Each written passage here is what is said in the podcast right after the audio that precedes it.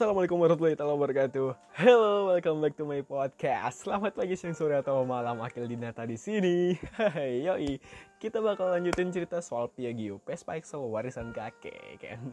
Bagi yang belum dengerin podcast sebelumnya, coba dengerin dulu deh, karena ntar ceritanya bakal nyambung sama yang kali ini. Malah ntar dikira ngawur lagi. Padahal ceritanya berkelanjutan deh, kan? Jadi bagi yang belum dengerin ya deh coba dengerin dulu episode pertamanya.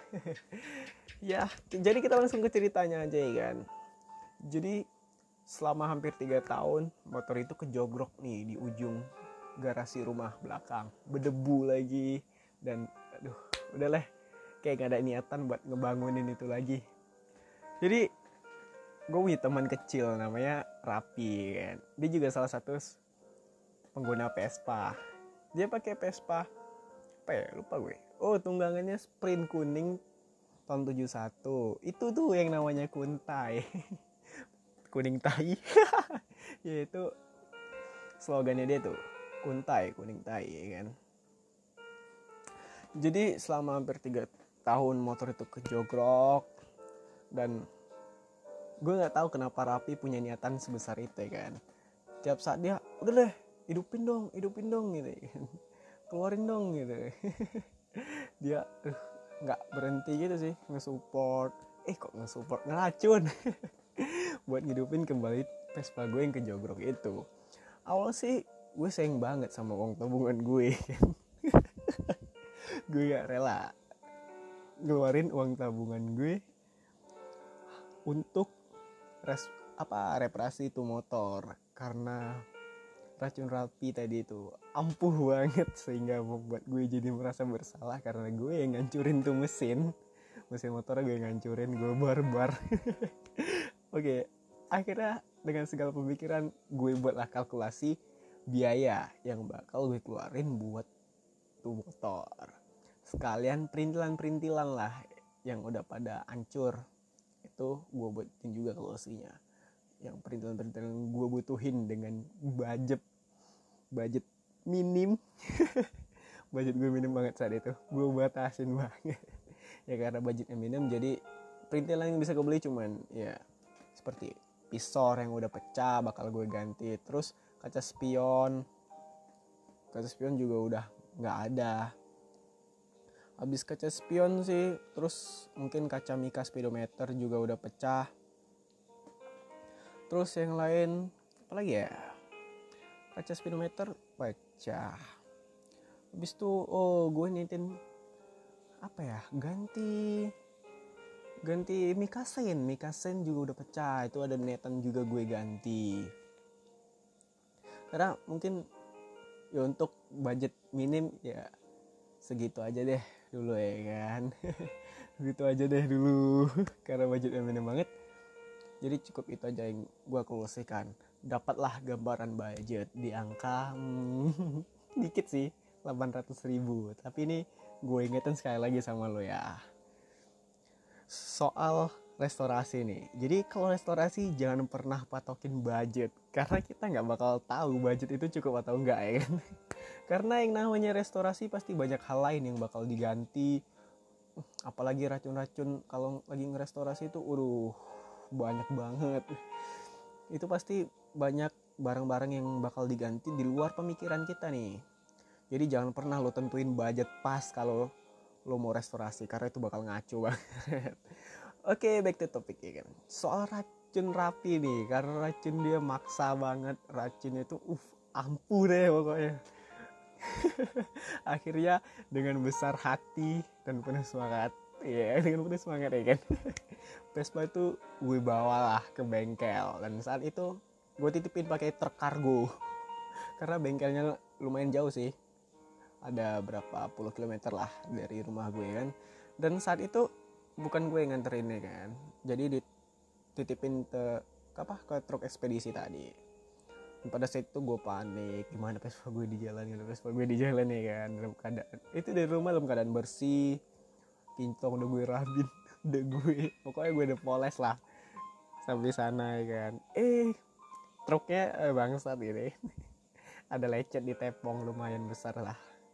Sama di stang depan tuh. Lecet gara-gara truk, truk ekspedisi itu tadi ya kan. Buset banget tepong kanan lecet dan karena bengkel itu jauh udah gue panik. Gue telepon gue telepon gak diangkat orang bengkel di mana pas gue udah sampai ke belum ya kan? Jadi lumayan sih ternyata udah sampai udah sampai. Setelah empat hari pihak bengkel telepon gue lagi nih. Dan mesin motor itu berhasil hidup.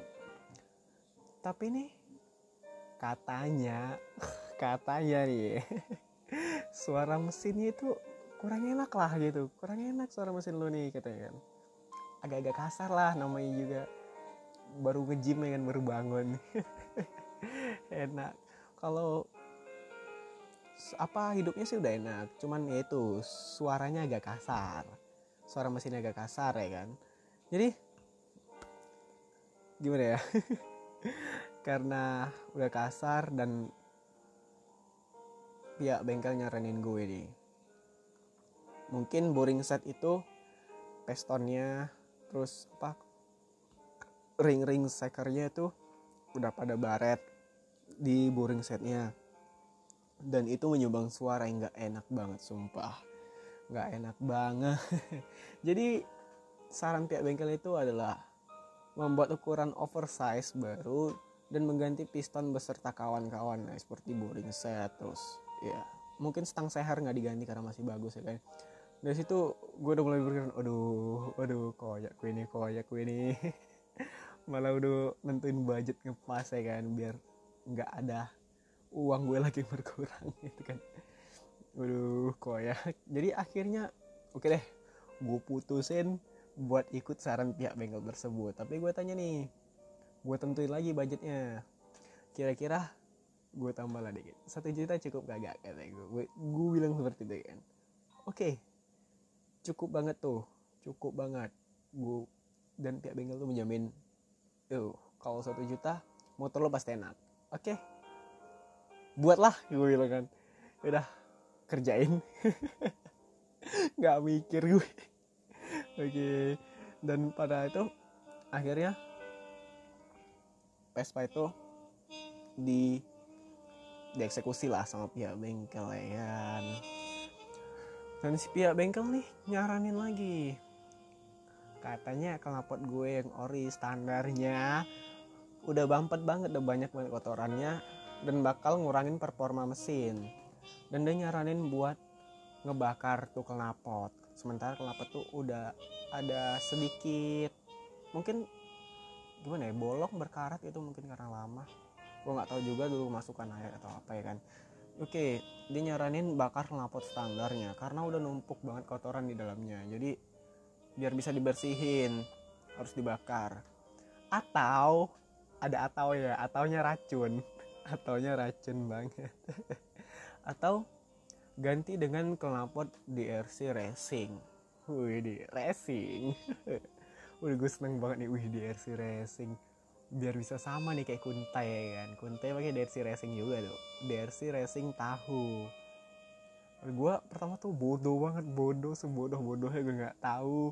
Gue nggak tahu kalau DRC Racing eh sebenarnya suara sih enak. DRC Racing tuh udah sumpah garing segaring garingnya ribut peka udah kalau di jalan tuh udah berasa raja loh pakai itu bacot banget suaranya kayak kaleng. Dan DRC Racing itu setelah gue ulik-ulik kemarin harga barunya cuma 150 ribu buset.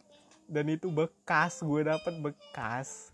Sementara kemarin gue cek di situs jual beli online nih kan knalpot asli original DGM berseri dari Piagi Piagio ya kan. Biasanya Piagio itu ada apa ya lupa gue. DGM ya? Emang DGM knalpotnya DGM itu ada logo cungnya itu original punya Vespa ya kan. Itu gue cek di situs jual beli itu harganya aduh sama kayak budget gue restorasi mesin. Satu juta anjir. Dan sekarang harga kelapot standarnya itu udah satu jutaan bos. Nyesel banget gue. Karena gue mikir dulu suaranya bakal kuat. Dan masa iya sih? Anak muda ya kan? Pakai Vespa nih standar. Eh knalpotnya nggak bersuara angles ya kan? Kayak ua-ua kayak pak guru mau pergi sekolah mau ngajar ya kan? Knalpotnya orang tua banget. Tapi sebenarnya sih itu aduh itu gue pinginin sekarang. Knalpotnya orang tua banget akhirnya digantilah pakai racing racingan kaleng itu yang ADRC suaranya bacot itu yang kelenteng kelenteng biar sama kayak sprintnya kuntai. Dan sekarang nyesel banget gue nyesel nyesel banget nyesel mungkin ke depannya gue bakal ya untuk saat ini gue masih cari-cari lagi kelapot original buat si Excel ya kan dan gue cari nggak nggak baru kok. Karena gue aduh nggak ngebudget lah untuk yang baru ya kan. Jadi cari gue cari second aja copotan gitu yang masih bagus dan belum belah. Kalau nanti misalnya dibakar udah deh nggak apa-apa dibakar. Biar ngerontokin kerak-keraknya ya kan. Oke okay, back to topic. Selang tiga hari motornya siap. Siap. Siap motornya. Dengan penuh semangat. Oke okay, gue ambil tuh motor. Sendirian gue ngambilnya. Nggak sama temen cuy naik angkot dengan kondisi buluk sebuluk buluknya tuh motor karena baru keluar dari bengkel oke gue bayar. Itu di luar perintilan lu coy. Di luar perintilan budget tadi ya. Udahlah budget ngelebihi. Estimasi. Malah perintilan juga belum kebeli ya kan? Baru beresin mesin doang tuh. Oke gue ambil tuh motor dalam perjalanan pulang pada saat itu jujur gue masih goblok segoblok goblok ya. Gue nggak tahu apa-apa soal mesin Vespa. Gue belum pernah ngulik-ngulik mesin Vespa sampai dalam-dalam. Karena gue taunya dulu cuman ya itu ngakal-ngakalin masukin bensin ke lubang businya dan gue engkol. Gue taunya cuman itu. Selebihnya gue nggak tahu soal dua tak. Gue belum pernah main dua tak. Ya dan judul gue masih goblok pada saat itu. Soal Vespa dan masalah dua tak gue nggak tahu. Kalau motor dua tak ya kan motor dua tak nih yang baru naik overseas atau ya baru boring lah istilahnya kan dengan piston dan ring seher-seher baru lainnya. Itu kalau bawahnya kita ngebut terus kalau orang bilang sih boring jadi antara boring jadi boring tidak jadi. Boring tidak jadi itu berarti harus kita melakukan sekitaran running dulu running mesin sampai membuat piston tersebut dengan apa piston atau coulter atau apa gitu namanya. Oh piston sama boring set itu kalau ketika panas dia memang nggak akan bencet lagi nggak akan lengket. Jadi pada saat itu gue masih karena gue masih goblok nih dan gue nggak tahu bakal gym panas. Dan pada waktu itu jalan pulang nih oke gue jalan pulang. Biar lo tahu nih gue berapa kali mogok bawa tuh Vespa. Huduh, anjir. Sampai tujuh kali gue ngalamin mogok karena gym panas.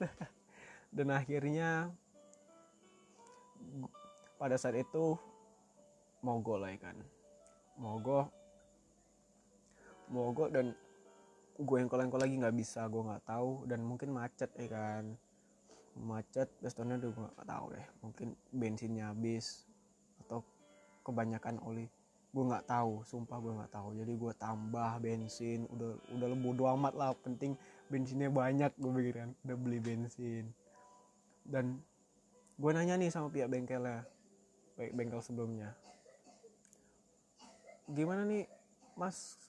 Mogok gini gini kan. Dia nyaranin buat balik lagi ke bengkel sebelumnya karena eh, kalau motornya udah bisa hidup udah balik aja lagi ke bengkel gue gitu kan. Kita oprek lagi mungkin ada yang salah gitu kan. Karena udah bisa hidup karena udah bisa hidup dan itu hidupnya di bengkel lain cuy. Bengkel lain. Gue sempet sempet singgah ke bengkel lain buat meriksa tuh motor ya kan. Buat meriksa tuh motor gimana nih? Oh sementara rumah masih jauh lagi kan? Gue antara pertengahan antara rumah dan bengkel gue tengah-tengahnya. Gue mau lanjut pulang atau lanjut ke bengkel. Sementara kalau gue lanjut ke bengkel dan itu pasti gue pulang malam. Kalau pulang malam tuh gue nggak bakal tahu itu malam bakal mogok lagi atau enggak jadi gue lanjut aja ya kan? Pulang. Dan di situ gue koyak lagi. Dan sempat nunggu lama sih sebenarnya di bengkel itu tadi karena banyak yang mau digantiin ya kan? Baik mau diganti. Gue pikir banyak yang mau diganti rupanya enggak di tadi di, jadi sama pihak bengkel itu dibuka magnetnya dilihat spi magnetnya aman. Busi busi diganti oke busi aman. Terus apa nih masalahnya ya kan? Masalahnya cuma satu coy. Jim panas itu tadi. Jadi karena pihak bengkel tadi tuh nggak mengerti tentang Vespa. Udah deh akhirnya bisa hidup dengan bangganya dia ya kan? Menyalahkan bengkel sebelumnya. Oh, ini boring ini nggak bagus. Padahal dia juga bukan bengkel Vespa yang sebenarnya. Jadi ya udah deh. Gue lanjut karena udah bisa hidup dan kantong gue koyak lagi kan? Gue putusin gue riding. Balik. Akhirnya gue bawa motor itu balik. Dan pada saat itu nggak berapa lama gue riding sekitaran 13 sampai 15 menit gitu kan. Motor itu mogok lagi jim panas cuy. Waduh. Di tengah-tengah jalan yang nggak ada sama sekali pepohonan apalagi bangunan. Udah buset. Jalan tuh lurus sampingnya tanah-tanah gersang.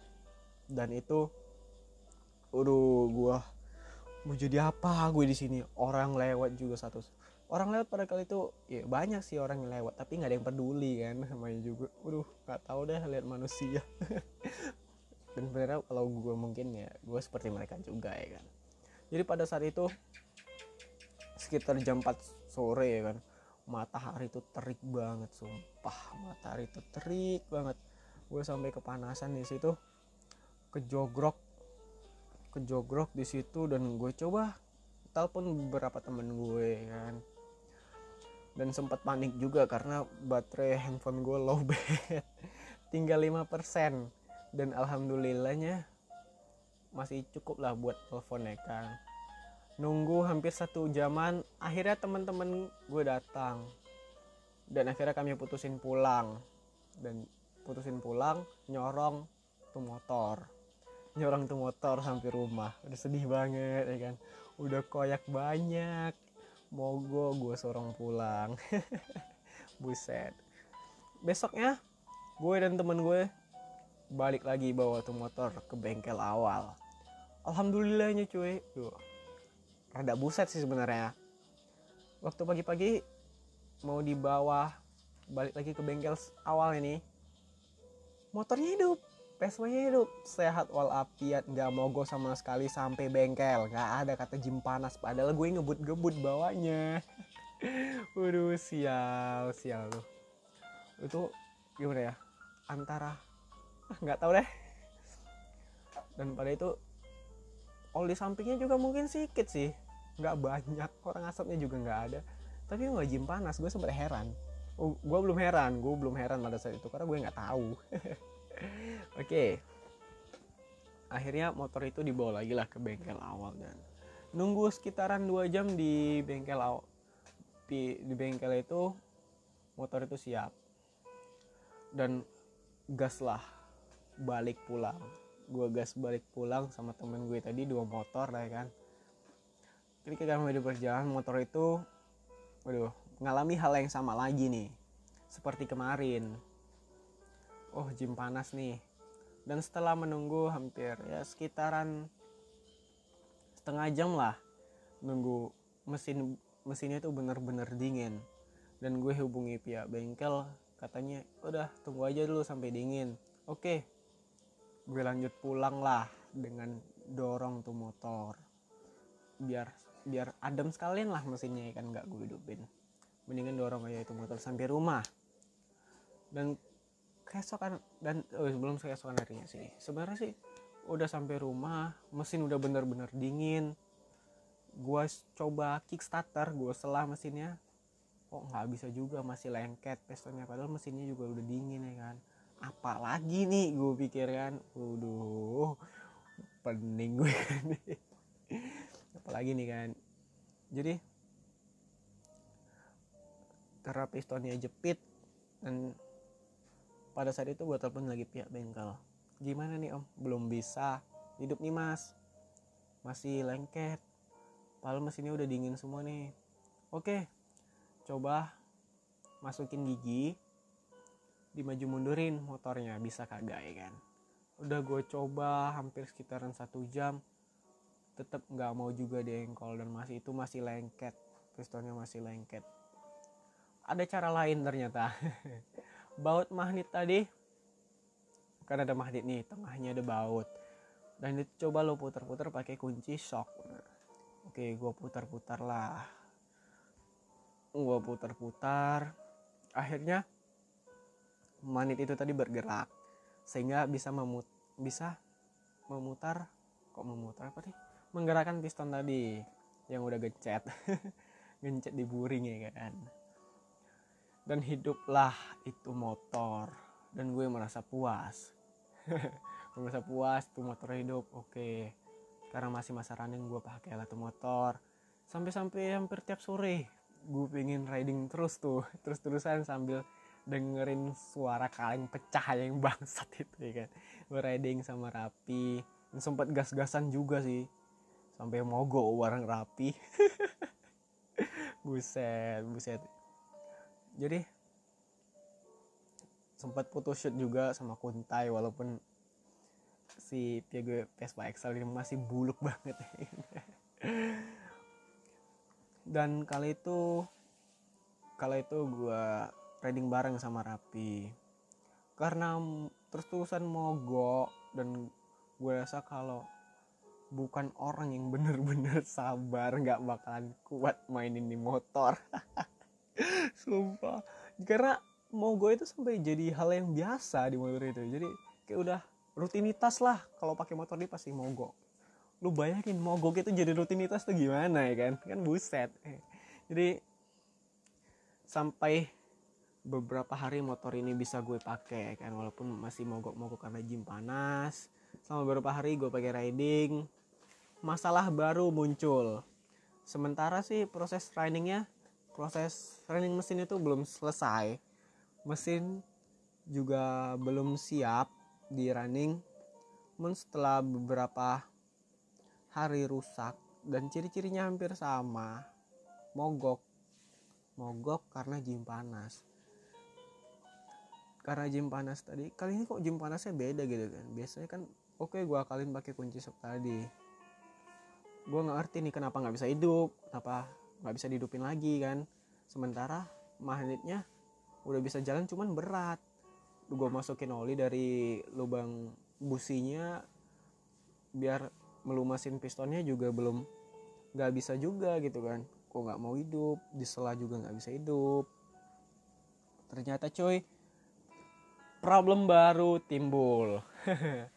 Akhirnya gue bawalah motor itu balik lagi ke bengkel semula dan problem baru timbul yaitu adalah hmm buset. Mungkin lahar lakar sokar lakar sokar atau lakar bandul tahap apa gue pokoknya nggak ngerti deh. Banyak lahar-lahar di dalam itu. Dan kata pihak bengkelnya sokarnya pecah. Lo bayangin sokar. Sokarnya pecah. Dan setahu gue sokar harga sokar harga sokar itu mahal banget untuk motor 4 tak. Gue rasa itu komponen mesin yang paling mahal.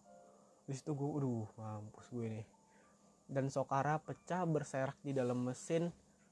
Aduh dalam hati gue udah udah mati lah. Bakal koyak banyak lagi nih. Buset buset.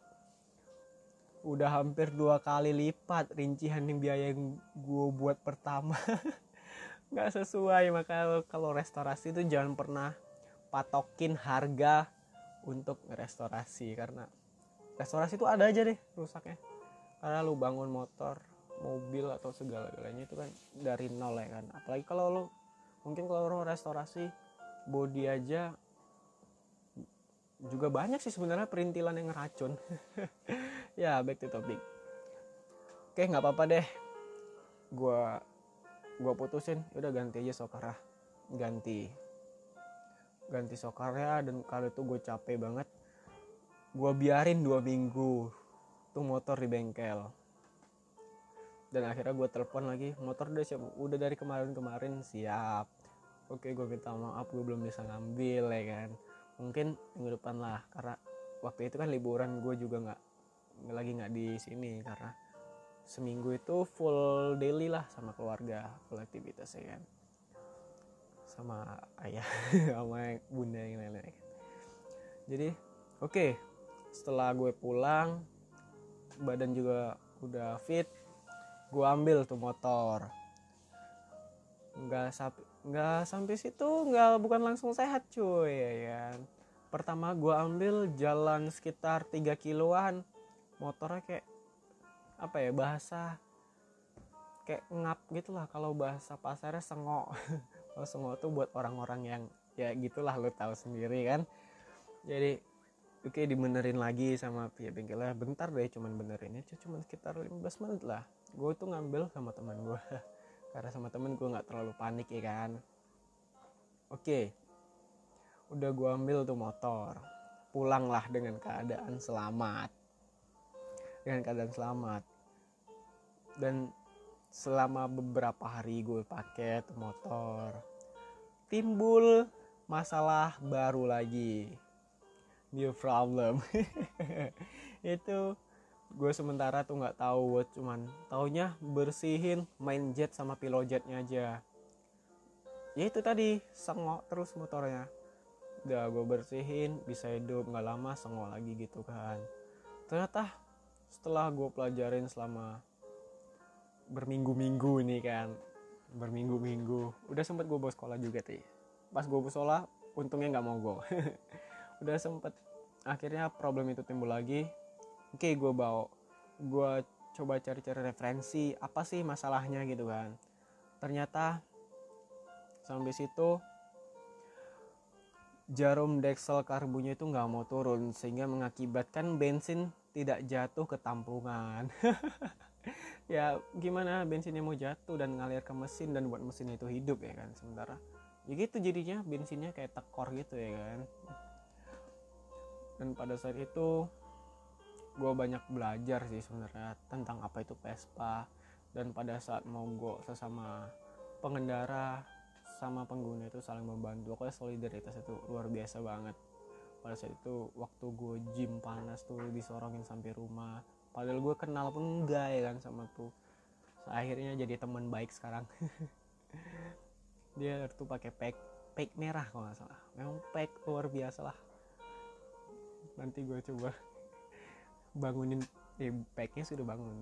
Mungkin pack yang punya gue itu bakal gue restorasi lagi tapi entaran dulu lah kayaknya banyak tuh. Gue itu kayak bisa gue racing racingin karena nggak ada sejarahnya itu gue beli okay, back to topic ya kan. Jadi ya itu tadi lah solidaritas Vespa kan. Kalau saling selisihan di jalan saling tegur sapa dan kekeluargaan yang luar biasa ya kan. Ya itulah anak Vespa tadi. Nggak nggak nggak ada pandang bulu sih sebenarnya. Semua itu saudara semua itu teman. Mau kaya mau susah pokoknya saling membantu lah pokoknya. Dan sampai hari ini setelah gue ganti apa tadi jarum dan segala macam temen-temennya yang di karbu itu lah ya kan. Seperti main jet pilot jet terus apa square dalam tuh gue nggak tahu. Tuh setelan gas membran membran Dexel karbu jarum tuh gue ganti semua. Dan sampai hari ini sih alhamdulillah dia sehat. Dan mendapat slogan sebenarnya nama. Nama itu cukup keren sih sebenarnya Exmo. Exmo itu nama yang keren sih. Yang artinya tuh artinya artinya sih agak ngeselin. Artinya lo tau apa? Excel mogok. Kayak Exmo Excel mogok. Karena kekesalan dan ejekan dari Rapi nama itu hadir buat dia kami tuh tuh kesel banget. Nih motor kok buset banget sih nggak baik-baik penyakitnya ya kan. Mogok mogok terus ya kan. Karena mogok itu jadi rutinitas dia jadi akhirnya terbitlah nama Exmo ya sampai saat ini gue pakai riding sana sini enak kok. Dan alhamdulillah perintilan yang tadinya belum kesampaian gue beli pada saat restorasi mesinnya saat ini udah pada gue cicil-cicilin alhamdulillah udah terpenuhi. Dan tinggal ngeracunin apa lagi ya? Ya udah tadi tinggal berarti gue tinggal untuk saat ini gue tinggal masih eh ini tadi masih nyari-nyari buat apa namanya nyari-nyari knalpot standarnya dan mungkin ke depannya gue mau pasangin Dove velgnya yang asli Excel tuh yang menutup semua. Bodoh amat mau dikatain orang tua bodoh amat lah. Yang penting motor gue standar ting ting ya kan. Dan buat ke depannya gue nggak akan restorasi body nih Vespa. Karena setelah gue pikir-pikir dengan panjang dan nyari referensi-referensi setelah melihat cerita-cerita Mas Jujuk Margono nih fans gue dari SMP kan. Dulu gue sering nonton dia juga di televisi tiap minggu gue tontonin dia karena apa itu restorasi bisa langsung cek deh deskripsi YouTube apa cerita-cerita dia di konten-konten YouTube sosial media itu banyak banget cuy. Dan itu bagus sumpah bagus banget Mas Juju Margono. Punten Mas Juju. Mohon izin karena Mas Juju saya jadi menjaga motor ini dengan baik dan gak ngerestorasi menjadi racing-racingan kata gue sayang. Atas ya karena melihat cerita-cerita Mas Jojo itu keren-keren banget. Matur suun Mas. Dan untuk saat ini dan untuk saat ini ya motor itu gue bakal ngumpulin lagi sih sebenarnya part-part yang belum ori.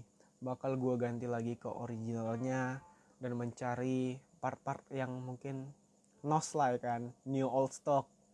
New old stock ya berarti part lama part baru tapi edisi lama. Yang penting original ya kan. Dan beberapa opsional standar pabrik lainnya. Kemarin tuh gue sempat berpikiran sih sebenarnya buat ngerubah motor ini menjadi awal racing gitu kan. Mulai dari shock breaker pakai yang tabung yang generik atau apa tuh deh. Banyak sih sebenarnya opsional racing buat Vespa dan cakram pakai depan tuh pakai cakram belakang cakram. Terus velgnya diganti pakai ring 12 waduh pakai Vespa modern sebenarnya ring 12 tuh tuh ganteng banget ya sebenarnya. Tapi ya karena gue berpikiran bahwa original itu cuma sekali dan sebenarnya sih bukan Mas Juju aja yang mereferensi gue banyak banget sebenarnya seperti ya Raf, Rafina Hardika ya. Vespa tuh juga cinta banget sama originalitas. Dan Mas kalau ngikutin Mas Juju sih mungkin restorasi tapi restorasi back to original itu itu paling keren. Tapi itu tadi nyari bar nyari buat mengoriginalitas itulah mengoriginalitaskan itu sulit. Dan nggak semua orang bisa. Tapi kalau lo mau berusaha sih apa sih nggak bisa ya kan? Yang namanya juga restorasi itu pasti kepuasan lo sendiri ada karena itu usaha lo sendiri dan apa yang ada di pikiran lo itu lo tuangkan ke situ. Itu pasti hasilnya bakal aduh nyentuh hati banget. Kalau mau restorasi tuh coba lo lihat deh konten-konten menarik dari Mas Junju Margono itu keren-keren banget tuh restorasi. Lo bisa cari referensi-referensi restorasi itu seperti apa terus gimana sih cara restorasi yang benar apa sih maksud dari restorasi tersebut. Itu ada banyak sih yang seperti gue kenal parent correct habis itu apa lagi pokoknya banyak deh. Apa? Ah gue lupa deh kata-kata yang pokoknya keren-keren lah. Langsung lu lihat aja deh ke kontennya Mas Jujuk tuh bagus-bagus banget dan kali ini kemarin tuh gue sempat berpikiran ya kan buat merubah motor ini menjadi ala-ala racing tapi itu nggak jadi. Dan untungnya belum jadi. Meski udah ada kecolongan beberapa part yang udah gue ganti racing tapi itu bakal gue balikin lagi kok ke semula. Karena original itu luar biasa. Dan saat ini motor itu menjadi motor saingan gue yang mempunyai banyak banget kisah di kehidupan gue.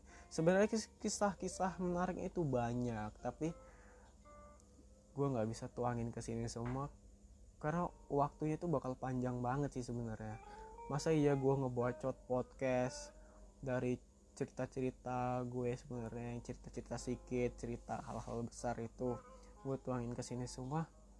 Yang ada ntar lu bosen malah dengerin bacotan gue kan jadi ya dari sini gue mengulas cuman ya sedikit ala kadarnya deh lah tentang motor gue yang satu ini.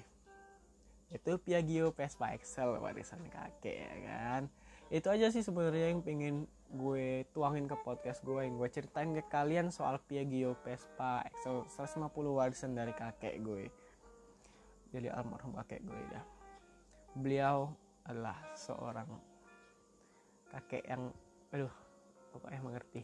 Mengerti banget sama gue.